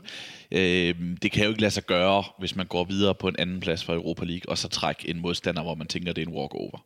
Nej, øh, du vil heller ikke ud i walkover, men i hvert fald nej, nej, godt sport. Helt rigtigt, men, det, men det bliver vanskeligt. Ja. Altså, det, der, der er gode hold tilbage. Europa League er blevet, er blevet bedre, synes jeg. Man føler, at der er mange, der er mange gode hold dernede. Champions League-holdene kommer ned, og var heller ikke nogen, man nødvendigvis havde, havde lyst til at trække, tænker jeg. Så, Arsenal, Inter, lidt af hvert. så jeg synes, det her, det, jeg synes, det her det er en sjov kamp. Celtic, det lugter virkelig af europæisk fodbold. Det lugter af gammel traditionsklub. Det lugter af, en, øh, af, af mange medrejsende fans. Det lugter af en, af, en, af en sjov kamp i februar, vil jeg sige. Jeg sidder og kigger ned over deres trup, øh, der tæller øh, velkendte navne som Mohamed Elanusi, for dem, der kender den, øh, nordmanden, øh, og Scott Sinclair, der tidligere har været øh, Chelsea-spiller blandt andet. Øh, nu nævnte du deres anfører øh, Scott Brown, en veteran på 34, som er noget af en, øh, en hard hitter. Han, det, det var lige det ord, jeg tænkte på. Han, jamen, han er virkelig en slagter. Altså, han har det med at få sådan nogle røde kort, og hvis man, hvis man øh, ser, øh, hvad hedder det, The Old Firm, øh, Celtic mod Glasgow Rangers, han er involveret mm. hele tiden, når der er noget, ikke? og får sådan nogle røde kort osv. Øh, men det er ikke sådan et Celtic-hold som tidligere, hvor at der var rigtig mange sådan store europæiske spillere, hvor sådan, altså de hentede rundt omkring, og virkelig var sådan et, et hold på den måde. Det, det, det, det, det er klart, det er meget større budget, end vi arbejder med herinde. Øh, men det er ikke længere sådan, at jeg tænker, åh oh, nej, det er helt forfærdeligt, at de kan slå os både ud og hjemme. Er det måske bare, fordi jeg ikke ved nok om skotsk fodbold, eller noget? Ej, den skotske liga er jo ikke, hvad den har været. Altså, så, så, og, og, Celtic har jo, er jo i den her sæson faktisk i kamp om at vinde mesterskabet, hvad det jo ikke altid er for dem i den her sæson. Er der i hvert fald mange Rangers-fans, der håber, at nu, nu skal det være efter. De, ja. Det er mange år siden, de har vundet. Så, så det er ikke det er ikke ja, så mange kampe, så jeg heller ikke fra Skotland, men det er ikke mit indtryk, at det, det er det stærkeste øh, Celtic-hold i, i mands, men der, der bør være en mulighed alene i kraft af, at, øh, at, at bedre er den skotske liga heller ikke. Så vi møder Celtic på hjemmebane den 20. februar. Øh, nu nævnte du det med billetterne, Jonas. De blev sat til salg i dag. Hvis man har sæsonkort, så har man to dages forkøbsret, hvis man har guldkort. Øh, eller, øh, hvad hedder det, ned se, eller hvad det nu hedder. Det hedder sådan et øh, ab- abonnement ja. kort, man kan have. Man kan have sådan et se ned og se, eller bare et trip. Jeg kan ikke engang huske, hvad det hedder. Det er noget vrøvl, jeg får råd mod her. Det hedder sådan et C-tribune-kort, eller et C-tribune-kort-abonnement. Så har man forkøbsret her indtil den, øh, den 19. december. Og det er overmorgen. Det er tirsdag dag, ja. ja. Øh, man har adgang med platinkort, og med guldkort har man også forkøbsret til den 19., hvor man får 20% rabat. Øh, jeg ser, der er nogen, der allerede begyndt at diskutere de her priser, hvor de dyreste på fantabyen koster midt på, øh, på nederse koster 400 i lystsalg, og så får man så 20% rabat, hvis man har sæsonkort på den her plads.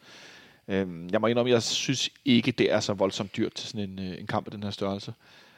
Det koster 250 i lystsalg til, øh, til neder B og 200 til øvre.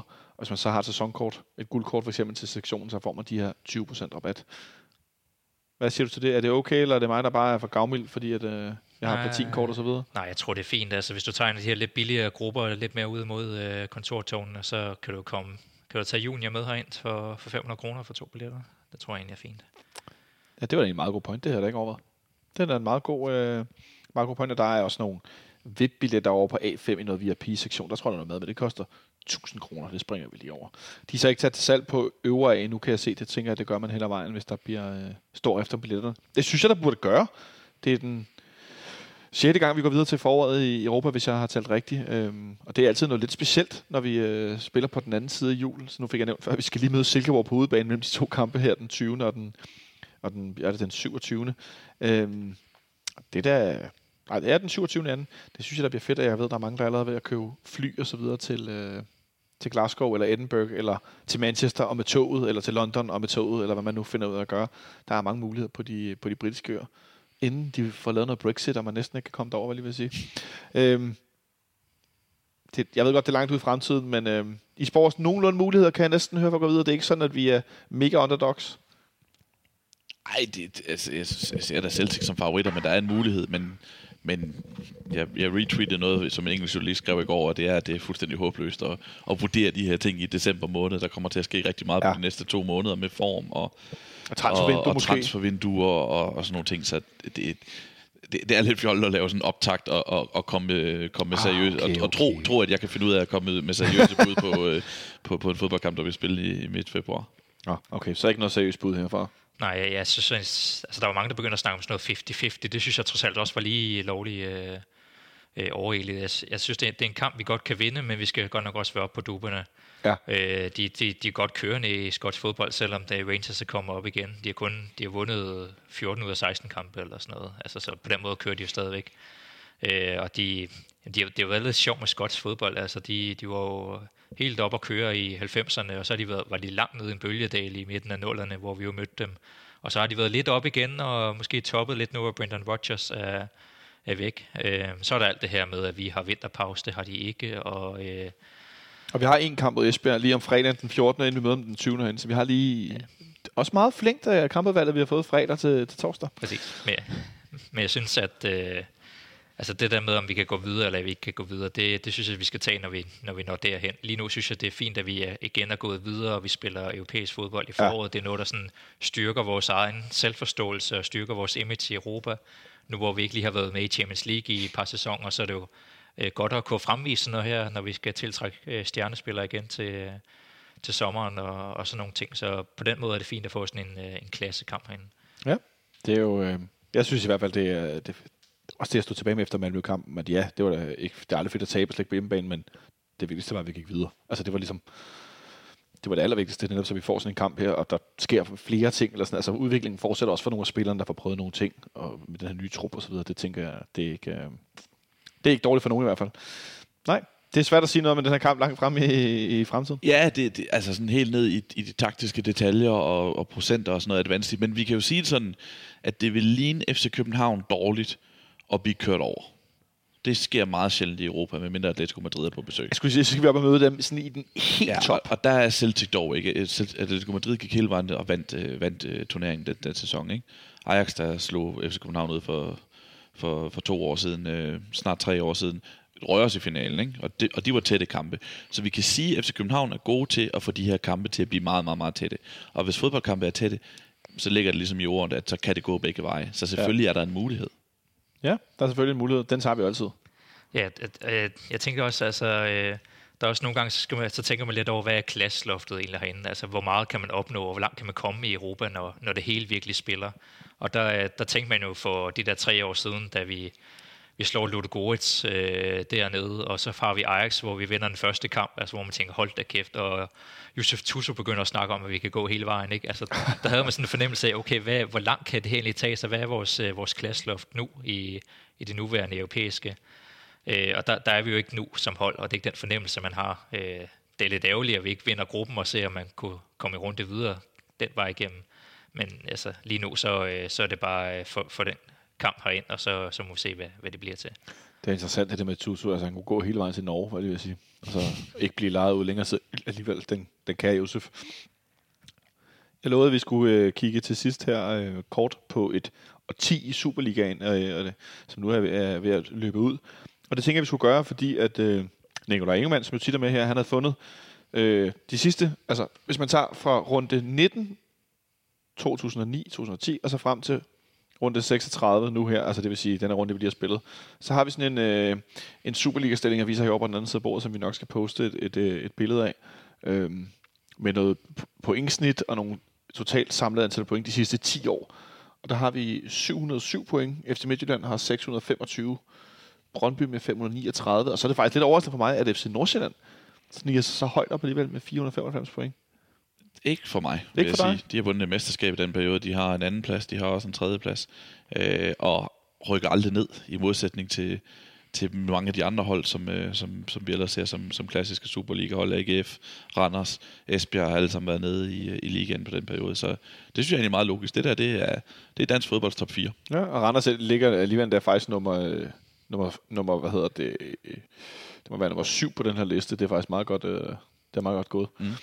Øhm, men et, øh, et årti, der har været præget af, nu nævnte du FC Nordsjælland, øh, det har været præget af, at vi har vundet rigtig mange mesterskaber. Øh, vi har vundet seks mesterskaber, fået øh, tre andenpladser, vundet fire pokalturneringer, som den kære Alexander Elverlund, han listede op. Øh, tre gange Champions League, syv gange Europa League. Er det rigtigt, det jeg tæller nu? Altså, vi har mistet en, så der Ja, det, der, der er noget galt her. Han må da have talt forkert. seks Europa League, må det være. Ja, det, jeg tror, at han har talt forkert. Nå, det er godt, at jeg ikke bare så læser op i blind. Vi missede det frygtelige sæson med øh, Jablonec. Men vel alt i alt et, øh, et årti, hvor vi går ud som... Vi, nu snakker Jonas om selvforståelse, øh, Sebastian. At vi har det her med, at vi skal vinde øh, to ud af tre mesterskaber helst, eller er det fire ud af fem, eller hvad pokker den er. Jeg har nærmest glemt det efterhånden, fordi jeg bare har sådan et, ja, vi skal bare vinde det næste. Det er det, der er det vigtigste. øhm, Øh, ah, det er ikke rigtigt, hvad øh, producer Kasper han skriver til mig her, at det er fordi, vi har spillet Europa League og Champions League i en af de samme sæsoner. Mm. Så selvfølgelig der, den, øh, det er nok der, at den tæller som, som syv. Men, men i forhold til den her selvforståelse om, man skal være dem, der vinder flest mesterskaber osv., hvordan synes du, det harmonerer sig efter sådan øh, 10 år? FC København er stadigvæk den største klub i Danmark. Hvis vi ser på, hvordan udviklingen har været, så var der, er der sket noget i forhold til for 10 år siden. FC København, da FC København vinder i mesterskabet i 9, 10 og 11, som er det, der ligesom starter tid, ja. øh, det run der, så tænker man, kan jeg vide, om der nogensinde er nogen andre hold, der bliver mester i, i Danmark end, end FC København. Det gjorde der jo så, og i, nu, nu, øh, øh, nu lukker vi dog og, og tid med, jeg kan faktisk sige, OB lå også nummer et, da, da, da seneste årti lukkede, så det, det strider lidt med, mod min pointe. Men, men der, på det tidspunkt var FC København dog relativt suveræne. Nu er vi dog et sted, hvor FC Midtjylland ikke er, om ikke øh, økonomisk ligeværdig, så, øh, så er sportsligt ret, ret tæt på at være på niveau med, med FC København. Så der er sket en udvikling i dansk fodbold, men FC København er selvfølgelig stadigvæk Danmarks største klub. Hvordan, øh, Jonas, står du tilbage med sådan et, det er også svært at sige det, 10, altså for 10 år siden, i går, der vandt vi i Prag i snestorm, for det skal være løgn. Det er 10 år siden i går. Øh, og den udvikling, der er sket siden, hvor det, det var ligesom vores... Vi havde Champions League i 2006, men det var ligesom vores anden, sådan husker jeg det i hvert fald, vores andet gennembrud europæisk, at vi kunne slå Prag og gå videre til den her forårs, selvom det var også var, var vinterkamp mod Manchester City, og ligesom tage det næste skridt. Øhm, hvordan synes du, at, altså, det har været klart, som Sebastian er inde på, man kunne godt stå med en fornemmelse af, at vi ville vinde alt i mange år, gjorde det ikke. Hvordan synes du, udviklingskurven har været? Jamen, det er, jo, øh, det er jo vores første hele årti, hvis man kigger sådan på en bred fodboldhistorie, hvor vi er den klart dominerende øh, klub herhjemme. Altså, det forrige årti, der, øh, der, der var vi nødt til at tage tonen fra Brøndby, og nu har vi så Midtland, der, der tror os lidt på nogle, øh, på nogle andre parametre, men i forhold til klubstørrelse, så er vi jo, har vi haft et helt årti, hvor vi, øh, hvor vi har været suveræne, og det er jo og det er jo sådan noget, der kommer til at stå i fodbold, øh, fodboldbøgerne lang tid i fremtiden, og Sebastian laver bold og bøger øh, som 70-årig, så snakker man jo om den her tid, øh, hvor, og det kommer han til at gøre. hvor Ståle Solbakken øh, var herinde. Ikke? Altså, så det, på den måde skal vi jo, må man jo godt lige kigge tilbage og se, hvor, hvor flot øh, vi har det, og trods alt stadigvæk kan nyde, at vi er i den position, øh, inden at vi bliver øh, gamle Liverpool-fans eller Manchester-fans, der snakker om de gamle dage og sådan nogle ting. Åh, oh, der var lige med, med sidebenene derovre i hjørnet til sidst her. Øhm, det er nemt at pege på de her, nogle af højdepunkterne for de her 10 år. Øh, altså, vi har det der 10-11 hold, og vi har, øh, hvad hedder det, øh, nu bliver jeg helt 16-17 holdet med, med Sanka og Erik Johansson, og øh, vi har de her ligesom, hvis man skulle kigge på sådan nogle af de der sådan lidt, lidt måske lidt glemte øh, øjeblikke for de, for de sidste 10 år, øh, og jeg ved godt, 10 år er et meget, meget stort spænd, men at, altså nogle gange, så, så, altså der er så mange kampe. Nogle gange, når jeg sidder og ser højdepunkter, så går jeg ind på fck.dk, og så vælger jeg en modstander, og så får jeg skrevet, og så sidder jeg og kigger ned igennem årene, og så finder jeg en eller anden kamp, hov, finder et link til en YouTube-video og ser nogle mål, som jeg simpelthen fuldstændig har glemt. Og nogle højdepunkter, altså som er visket væk fra tavlen. Øh, er, der, er der nogen af jer, der har noget, som er sådan noget, hvor man kunne sige, det der, det var måske i virkeligheden skældsættende, men ikke er noget, som vi sådan husker så meget på? I det første, der springer, øjne, eller springer i tankerne på mig, er, at det, man troede var en æra, men som endte med ikke at blive det alligevel, som var Ejl Jacobs øh, 12-13 mesterskab. Øhm, som i hvert fald ikke, han endte jo med at, at kun have en enkelt sæson øh, plus noget, som han måske ikke skulle have haft. Altså, det, stoppede i hvert fald ret hurtigt efter den, den første succesfulde sæson. Men der fik han dog et mesterskab, og, og, og, og, og den, det mesterskab er måske lidt glemt, fordi det ikke var en del af Ståle Solbakken sidste periode, eller der, hvor han ligesom øh, Solbakken vendte tilbage og byggede hold op til igen at blive en, en mesterskab, så kulminerende med 16-17 sæson, som du siger. Men, men jeg husker bare det der hold ret tydeligt, når jeg, sådan, når jeg sådan lige vender det i hovedet, og det der meget tydelige billede fra, øhm, fra sæsonpremieren mod Midtjylland, i øvrigt, som jeg husker det, ikke? Hvor, øh, hvor Andreas Cornelius og Nikolaj Jørgensen står klar på sidelinjen og bliver skiftet ind. Og det, at de bliver skiftet ind, markerer ligesom have en ny tid. Et nyt hold er på vej her, og, og de blev jo også, blev jo også hængende, øh, eller vendt tilbage i Cornelius' ja. tilfælde, øh, og, og var del af, af, af, af den stærke tid, der kom efter det. Så var det så ikke under Arl Jacobs, men, men, men, men den sæson, det hold, der kom frem der, og, øh, og særligt de to spillere, øh, og, og den der, det der ungdom, der kom ind på det tidspunkt, det, det er der værd lige at nævne. Mm, ja, Jonas? Jamen altså, vi har jo... Øh vi har jo trods alt i, i de her 10 år formået at adaptere os til, til hele fodboldverdenen. Vi har gået fra at være det her hold, der og klub, der, der altid havde det her, øh, de her nordiske landsholdsspillere øh, op i årene, der, ja. der spillede her i lang tid til med, med pludselig hente spillere fra alle mulige dele af verden, øh, og vi begyndte pludselig at få, øh, få rigtig godt gang i øh, øh hvad hedder det, School of Excellence, der så blev til København Talent, øh, hvor vi begyndte at se masser af vores unge drenge, øh, og pludselig fik den tilknytning til klubben. Øh, øh, og man skulle pludselig til at, at, at få kærlighed for nogle, øh, nogle masser af andre sjove typer, altså Iko Vitokele og Benjamin Verbic og Federico Santander. Altså, det er jo, øh, det er jo nogle sjove fodboldpersonligheder, men som alle sammen kommer herind og på en eller anden måde øh, øh, bliver forelsket i klubben på en eller anden måde. Det er jo noget, vi har, har mærket, at selvom man kommer øh, fra fjerne destinationer, og øh, København er bare den her lidt øh, nordiske topklub, men øh, som, man, som mange ser som et trin i deres karriere. Øh, men de vil gerne blive hængende, og de, øh, de kommer ofte tilbage og, og, og hilser på herinde, fordi de synes, det, det er fedt at være herinde.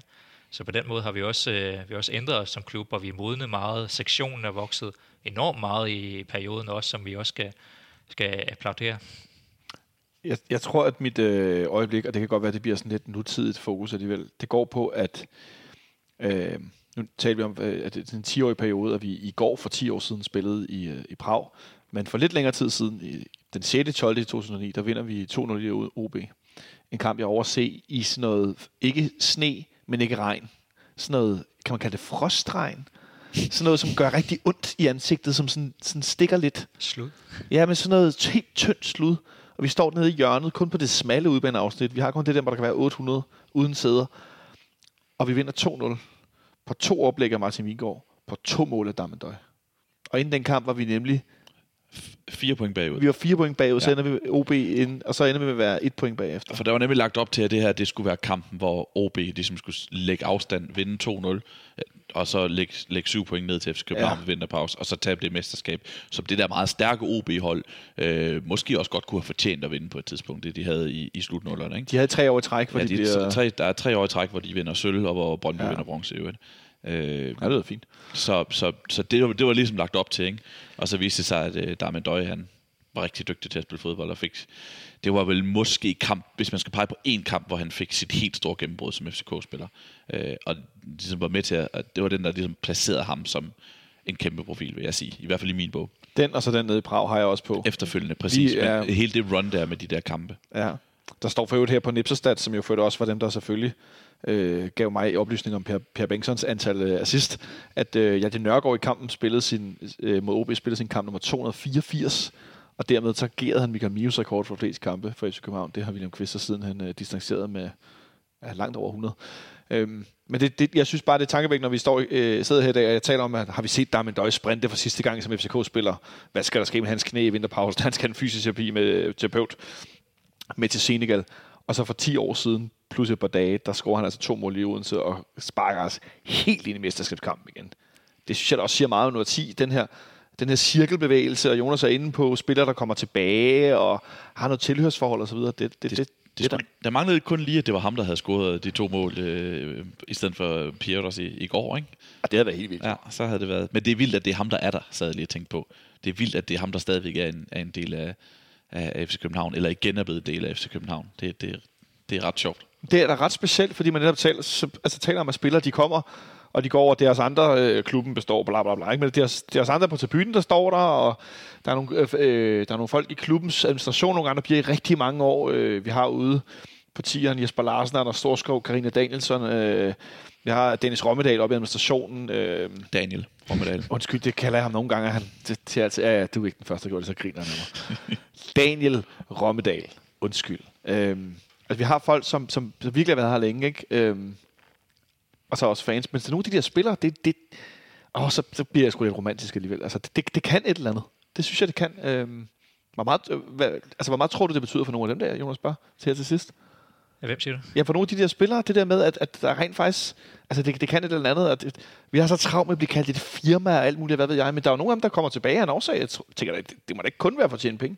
Nej, nej, altså det, vi er, der er bare et, øh, et godt fællesskab herinde, og de kan de på, på en eller anden måde så føler de sig hjemme øh, i byen og, og i landet og, og, i- og i klubben herinde. Og, og, og vi er også gået fra det her med at være, være firmaet, og selvom der er mange, der stadig kalder os øh, PSE med, med små bogstaver, Det gør så, de bare.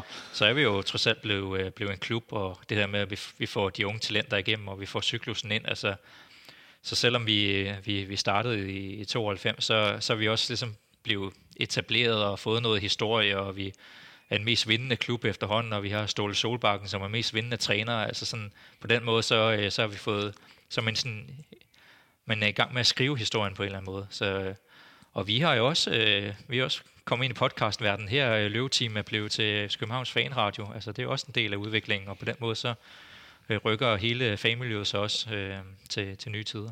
Ja. Må jeg lige slutte af med at lave en, øh, en reklame for Tipsbladet? Nu starter vi med at Altså, lave jeg er jo kæmpe fan af Tips. Jamen, det er jeg glad for. Så, så Sebastian, be my guest. Om halvanden uge, den 27. Øh, december, så laver vi en stor, øh, den fredag den 27. Så Hvor man laver- rigtig har tid i juleferien. Præcis, masser af tid. Så laver vi en, øh, en stor, et stor udgave, der kun kigger tilbage på, og tid, der gik. Og der har vi blandt andet en stor artikel om den kamp, som vi mener er den vigtigste danske fodboldkamp i det her årti. Og det er en FCK-kamp. Og så vil jeg ikke sige mere. Ja. Så, oh, så Jonas, øh, så, så øh, jeg, jeg synes, vi skal lægge hovedet på blokken, inden vi lige skal have det aller sidste afrundet her. Øhm, hvad tror du, det er for en kamp? Hvad var det første, du tænkte? Fordi problemet er 4-0 sejren herinde i 2009. Ah, den er ikke den. Hmm. Radiotavshed. Ja. Ja, radiotavshed er altid godt. Det kan I læse Ja, i blankt. den Ja. 27. Jeg vil, sta- jeg vil, i stedet for, jeg vil stedet for sige, at øh, vi lavede en konkurrence, øh, mens du tænker, Jonas, i sidste udsendelse, om øh, blandt øh, vores lyttere, hvor de kunne gætte på Facebook-opslaget med episoden fra i, øh, i fredags. Det kunne de gætte på, hvem vi vil trække i Europa League. Og dem, der gættede på Celtic, dem trækker vi lod om øh, øh her i morgen, øh, om en øh, julesvætter nede fra shoppen, og vores nye øh, tredje trøje. Så bare roligt, vi har ikke glemt jer. Vi skal nok lige øh, sørge for, at de, vi får trukket lod. Og så lægger vi ud på, øh, så kontakter vi vedkommende direkte. Det skal vi nok gøre i forhold til, hvem der har vundet. Øh, og der er flere, så den ene får en julesvætter, den anden får en trøje. Jeg fik jo sagt, at hvis der kun var en, der gættede på det hold, vi trak, så, øh, så, hvad hedder det, så var der selvfølgelig en dobbeltpræmie. Hvad for en kamp tror du der, Jonas? Og jeg ved det ikke. Der kører sådan et uh, nipsestat uh, arkiv ind i, i hovedet på mig. Jeg tænker, enten så er det et eller andet, der helt i starten etablerer FC Københavns uh, dominans, eller også er det et eller andet i midten af nullerne, der etablerer FC Midtjyllands uh, indtog på scenen. Men hvis det er de sidste 10 år, hmm, og så er det noget, der ændrer noget, det er noget, der eller virkelig øh, manifesterer noget. Øhm, uh, hvor pokker er vi henne? Det kunne godt være, at det var Brøndby's sejr, første sejr 14 år i parken. Det kunne det faktisk godt være. Hvor at de vinder 1-0 herinde. Øh, de gør det i pokalen, og så gør de det lige efter i Superligaen. Det, det kunne det faktisk godt være en af de der to. Ja, Jeg tænkte på deres uh, kamp over i Horsens, hvor de bliver i Superligaen, men det er jo så ikke involverende os, men uh, den Okay. tænker jeg også som rimelig øh, definerende. Ja. Hmm. Ja, det er et godt spørgsmål. Der er fandme også mange at vælge mellem. Undskyld mig. Det er jo det. Og mange år, rigtig mange fodboldkampe, mange turneringer. Ja, hold da op. Nå, jamen øh, det bliver da sådan godt solgt, Sebastian. Tak. godt solgt. Øh, jeg, jeg havde tænkt, at jeg skulle købe tipsblad i juleferien. Det er altid godt at have tid til at, at læse men nu skal jeg da den grad købe mig det. Jamen, øh, med den der gode reklame, så medmindre der er nogen andre så hilsner, vi skal sende til nogen eller noget, så tror jeg bare, jeg vil sige øh, tak for i år, og tak for det årti, og øh, tak for i dag, og tak fordi du kiggede forbi, Sebastian. Det var så lidt. Altid en fornøjelse. Jamen, det er på helt på vores side, tak til dig, Jonas. God jul. Ja, glædelig jul, og tak til dig, Kasper, fordi du i dag fik os til at lyde nogenlunde forståelige. Og tak til dig øh, derude, der lytter med, eller øh, hører det her på et andet tidspunkt, eller hvad du nu gør. Øh, det er som altid en fornøjelse at lave podcast her. Vi håber, I vil lytte med på den anden side af nytår, hvor vi vender tilbage. Det ser vi rigtig meget frem til. Så øh, glædelig jul og godt nytår derude. Ha' det godt så længe.